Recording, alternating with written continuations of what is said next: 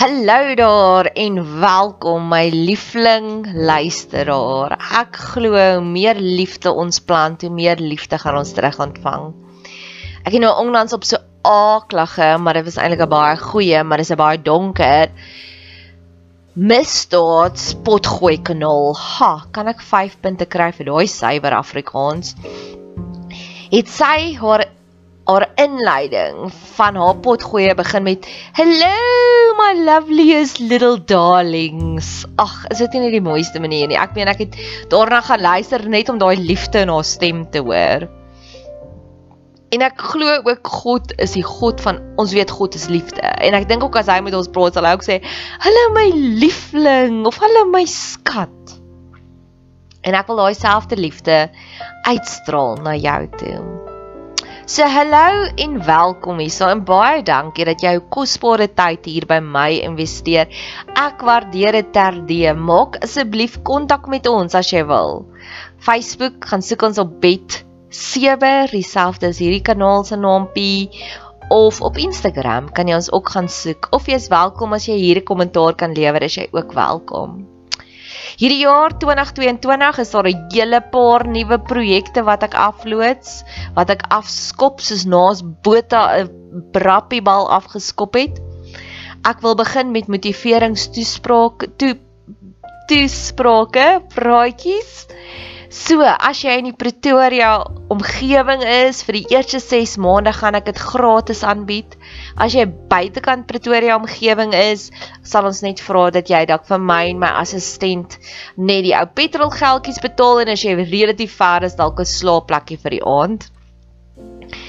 En dit gaan alles oor hoe om die blydskap te vind. So maak kontak met my. Dalk is dit vir jou en vir vyf vriendinne van jou. Dalk is dit vir jou volgende verjaarsdag wat jy iets bietjie diepers wil deel met jou vriendinne. Dalk moet jy 'n vroue oggendreël. Dalk is jy betrokke by 'n skool. Dit dit is ook baie geskik vir skoolkinders hier van graad 7 opwaarts.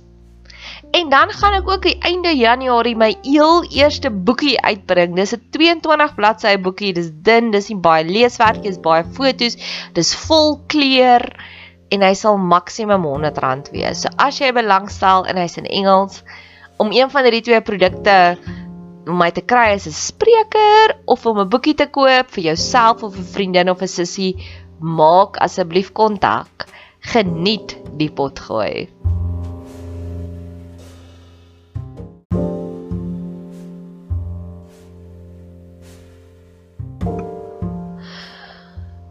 Ek wil nog iets vir jou vertel.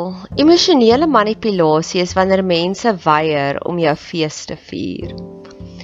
Ek is werklik in 'n baie interessante seisoen van my lewe. Ek het nog nooit in my lewe soveel geopende deure gekry soos nou nie. Ek werk hard daaraan om 'n skrywer te word, maar ek het 'n spesifieke doelwit plan, maar die deure gaan net oop.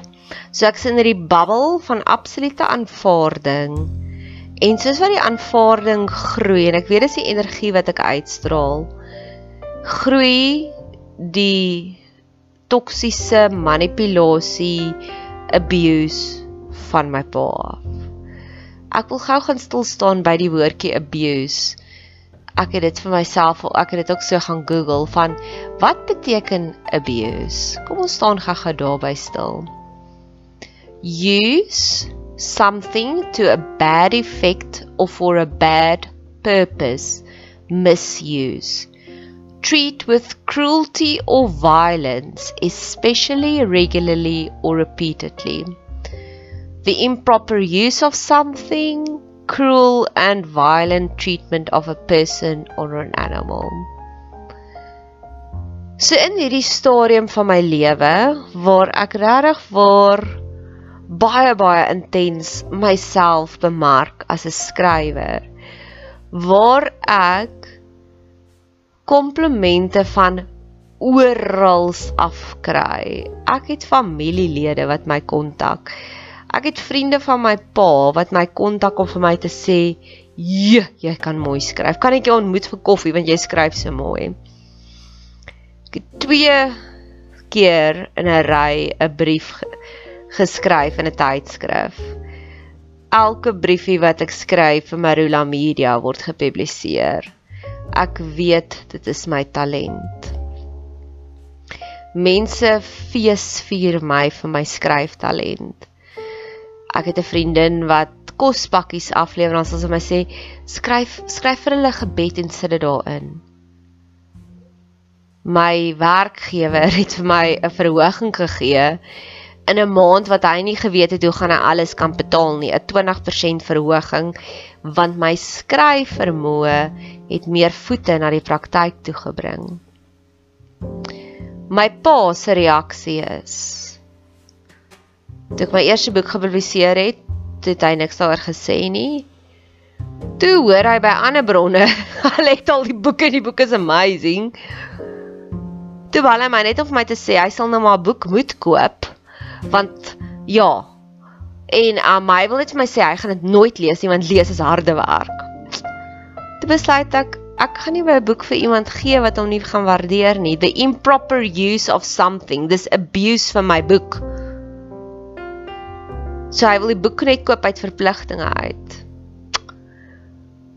En in die Sondag Rubicon kuier het hy dit ook gebruik as 'n wapen teen my wat hy vir my gesê het, ek weet jy kan skryf, maar jy moenie verwag ek moet ook vir jou sulke goed skryf nie want ek kan nie skryf nie. Ek het dit nooit van hom verwag nie. The improper use of something or to treat something violently. In dis herhalende patroon vandat ek jonk is en klein is wat ek daardie misuse. Ek sal overachieve op iets en dan sal hulle net fokus op iets anders. Soos ek kan onthou ek was nog nooit 'n netjiese mens nie en soos ek nou ouer word sê hulle eintlik is slim mense glad nie netjies nie of kreatiewe mense is eintlik glad nie netjies nie. En hoe meer ek nou wil movers en shakers ontmoet, daar's baie van ons daar buitekant wat regtig waar overachieve op sekere vlakke en maar ons is nie Martha Stewart's nie my gunsteling mense in die wêreld is glad nie A-frame personalities nie, maar gewoonlik love A-frame personalities ons want ons is hulle die lewe in hulle ja, lewe, ons bring vir hulle lewe. En ek kan onthou Ek was uitgenooi ESA's toe en ek kon nie gaan nie want daar was 'n ver, verpligte familievakansie en dis waar ek ook nou wil gesels. En ek kan onthou dat ek was nooit eintlik gefeesvier deur my eie familie. Omdat ek die eerste een was in ons hele familie, ek dink nou nog die enigste een wat uitgenooi was SA's toe vir 'n sport. En ek kon dit nooit gaan doen net nie. En dit is iewers dieselfde nou met met die skryf. Dis amper en dit daar's weer 'n vakansie op die spel dis intedeel wat my nou gedryf het tot by hierdie punt waar ek nou amper heeldag wil afvat net om emosionele manipulasie, emosionele mishandeling potgooi te maak. Daar was 'n familievakansie verlede week en ek het met baie beraders gepraat en vir hulle gesê ek is uitgenooi, maar dis te toksies vir my. Ek wil nie saam met my pa tyd spandeer nie. En dit was na baie berading en baie baie bevestigings. En vir 4 maande lank is ek in hierdie tydperk wat groot deure vir my oopgaan, is ek die heeltyd geharras oor hoe durf ek om nie saam met vakansie te gaan nie. Nou, ek is 'n ninja met konflik hanteer. Ek weet ek gaan dit baie hoogmoedig sê, maar dit is dis die Here wat my lei. Wanneer ek met iemand wat emosioneel onvolwasse is voor my sit en hy redeneer soos 'n 3-jarige, dan voel dit dan sien ek in my geestesoog I'm playing chess chess with a monkey. Hierdie frustreer my. Dit is nie vir my lekker nie. Ek wil dit nie doen nie.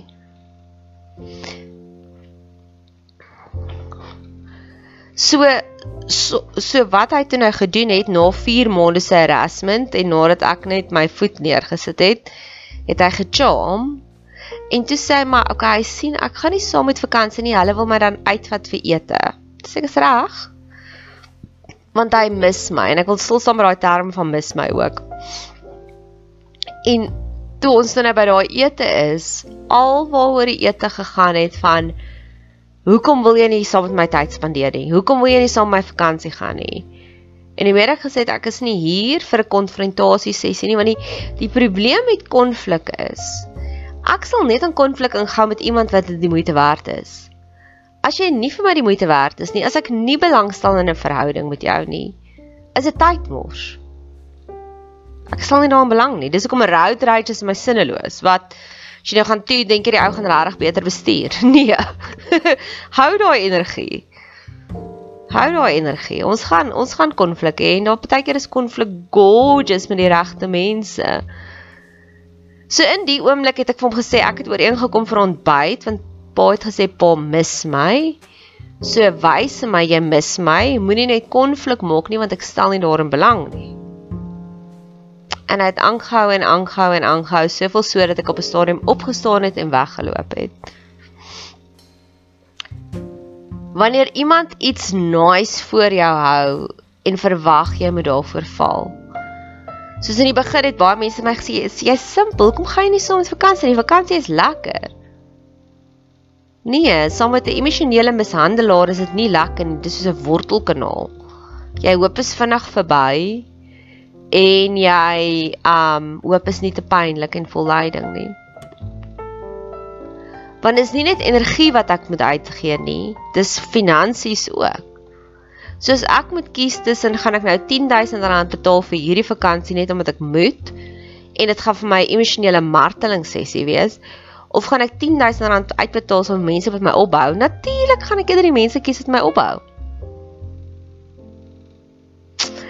En vir oggend en die Here is net so amazing. Hy Gisteraand het ek vir die Here gesê, Here, is U nie al moeg om my op te tel van hierdie punt af nie? Want ek raak nou al moeg hiervoor. En vanoggend toe ek wakker word, en ek sit my rekenaar aan, let wel, 0:30 vanoggend, want ek is so ontstel dat ek kan nie slaap nie.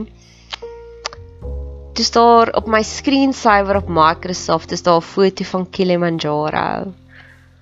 En 'n ex-kerel het my jare terug het ons Tansanië toe gegaan en hoe daai uitnodiging gekom het en dit was 'n joy. Dit was 'n joy van die begin tot die einde en dis 'n vakansie.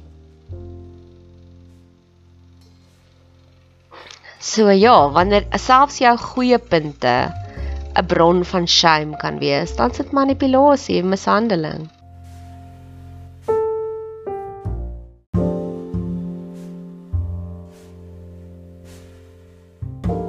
Nog 'n eienskap van mishandeling is wanneer jy iemand goed behandel, wanneer jy die ander wang draai, wanneer jy nie fyn gevoelig is nie. En daardie sagtheid van jou enable hulle om nog meer mishandeling te doen. Dan skud jy die stof van jou voete af. Dis wat Jesus gesê het. Gaan na daardie stad toe As hulle jou in vrede aanvaar, bly daar. As hulle nie jou vrede wil hê nie, skof skud dit so stof van jou voete af. Want ek het in die afgelope 2 jaar baie hard gewerk aan my verhouding met hom, met my pa. Ek het elke dag vir 21 dae lank drie goeie eienskappe in hom gesoek net sodat ek nie want jou brein is wonderlik as jy glo hierdie persoon is 'n asshole gaan jou brein maniere soek om daai dit om dit te bevestig.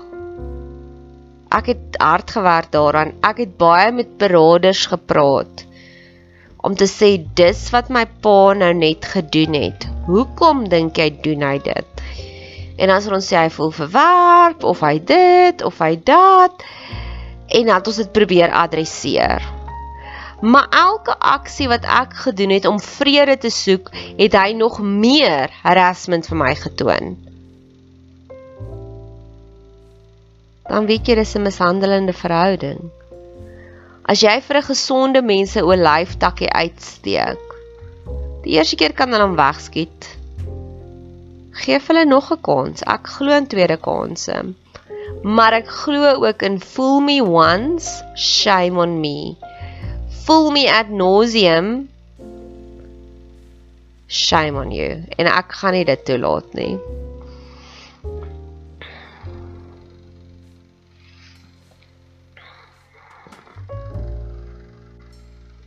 ek trek gereeld hierdie parallelle.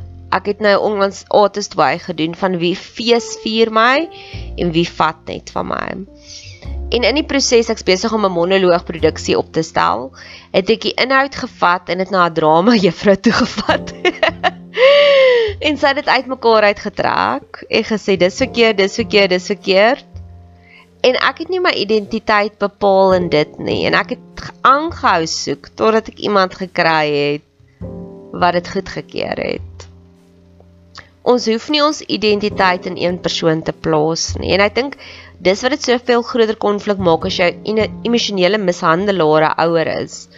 Want jou brein kan dit net nie dink aan hoe is dit die een persoon wat die een oomblik vir jou kos gee en die volgende oomblik jou drie pak slaag gee omdat jy nou die kos geëet het nie dit dit gaan my verstand te bowe want vandat ons klein was was ons gemaak om toppresteerders te wees. Nou toppresteer ek op verskeie vlakke en it ain't good enough. Of ek is dieselfde ek's besig om 'n vryskut joernalis te word en ek het strategieë vir myself uitgewerk en hoe ek met hierdie een joernalis maande invest het en is dit such a scarcity mentality en met die ander een twee boodskappe en na hierdie verskriklike uitdagende sessie met my pa het ek by die huis kom en hierdie vrou skryf vir my hierdie mooiste brief. So ja. Emosionele mishandeling maak jou dat jy twyfel in jouself. Hulle sê dit vat 7 interaksies om een belediging te neutraliseer en ek is nou in 'n inhaaltydwerk.